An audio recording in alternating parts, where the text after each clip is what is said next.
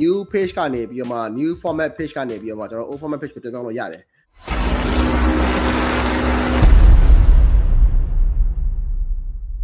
စိုးစံအောင်မေးထားတာက page အသစ်ကနေ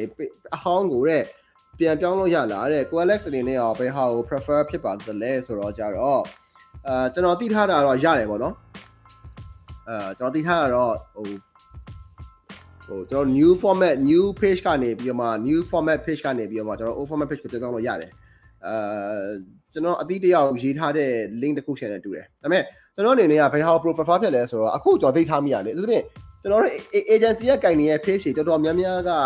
အဲကျွန်တော် develop ကကင်နေတဲ့ page တွေတော်တော်များများကအဲ့ new format တွေကြောင်းလာကြတယ်ဆိုတော့ကျွန်တော်မြင်တာ Facebook ကသူတို့ enforce လုပ်ချင်တာလားပေါ့နော်အဲ့ဆို customer experience ကောင်းတယ်လို့သူတို့မယုံမချင်းတော့ဒီ old format ကနေပြီးတော့ new format ကိုပြောင်းစရာအကြောင်းမရှိဘူးဆိုတော့ new experience ကိုပြောင်းစရာအကြောင်းမရှိဘူးဆိုတော့ကြတော့အခုရှိရှိသမျှတော့အာရှိရှိသမျှတော့ကျွန်တော်တို့အားလုံးက page တွေကျွန်တော်များများက new experience new format page ကိုကျွန်တော်ပြောင်းနေကြတာဆိုတော့ကျွန်တော်ဟိုကျွန်တော် prefer ဖြစ်ဖြစ်မဖြစ်ဖြစ်ပြောင်းတာပြောင်းပါပဲ ကျွန်တော်တို့ကျွန်တော်ကျွန်တော်မြင်တာပေါ့လေနော်ဟိုအဟောင်းကိုပြန်ပြောင်းနေတော့မှတစ်ချိန်ချိန်မှာဟိုအစ်စ်ပြောင်းလာနိုင်တယ်လေနော်ဆိုတော့ကြတော့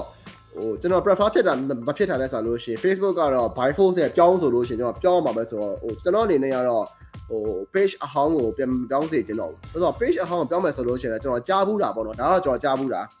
ကျွန်တော်ကတခါမှကျွန်တော်ရဲ့ page တွေအကုန်လုံး new format တွေများတယ်ဆိုတော့ဟိုကြားဘူးတာကတော့ အာကြားဘူးတာတော့အဟောင်းတွေကိုပြန်ပြီးပြောင်းတယ်ဆိုလို့ရှိရင်ကဟို post တွေပြတ်တယ်လို့ကျွန်တော်ကြားဘူးတယ်အရင်အများဆုံးဘယ်လောက်ထိကြားဘူးလဲဆိုတော့အရင်တလားလောက်မှာတင်ခဲ့တဲ့ post တွေအကုန်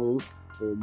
ပျောက်သွားတယ်ပေါ့နော်ပြတ်တယ်ဆိုတော့လည်းပျောက်သွားတယ်ဆိုတဲ့ဟာမျိုးထိကြားဘူးလားဆိုတော့ကြတော့အဲ့ဒီဟာတွေကပြန်ရလာမရလာလဲကျွန်တော်လည်းမသိကြဘူးကျွန်တော်အဲ့ဒီရောလိုက်မမေးဘူးဘူးဒါပေမဲ့ဟိုပျောက်သွားတယ်ဆိုတော့ကျွန်တော်ကျွန်တော်ပြောတာအာ new page ရဲ့ ဟိုလေ old page ကိုမရမကပြန်ပြောင်းပြီးတော့နောက်ပိုင်းမှာလည်းပြန်ပြောင်းခံမဲ့တူတူတော့ new page ကိုကျွန်တော်ကိုယ့်အကို adaptation ဘယ်လိုမျိုးလုပ်ကြမလဲဆိုတဲ့ဟာမျိုးလေးဟိုစဉ်းစားကြည့်စေချင်ပါတယ်ဒါမှပဲလဲအဆင်ပြေမှာပေါ့နော်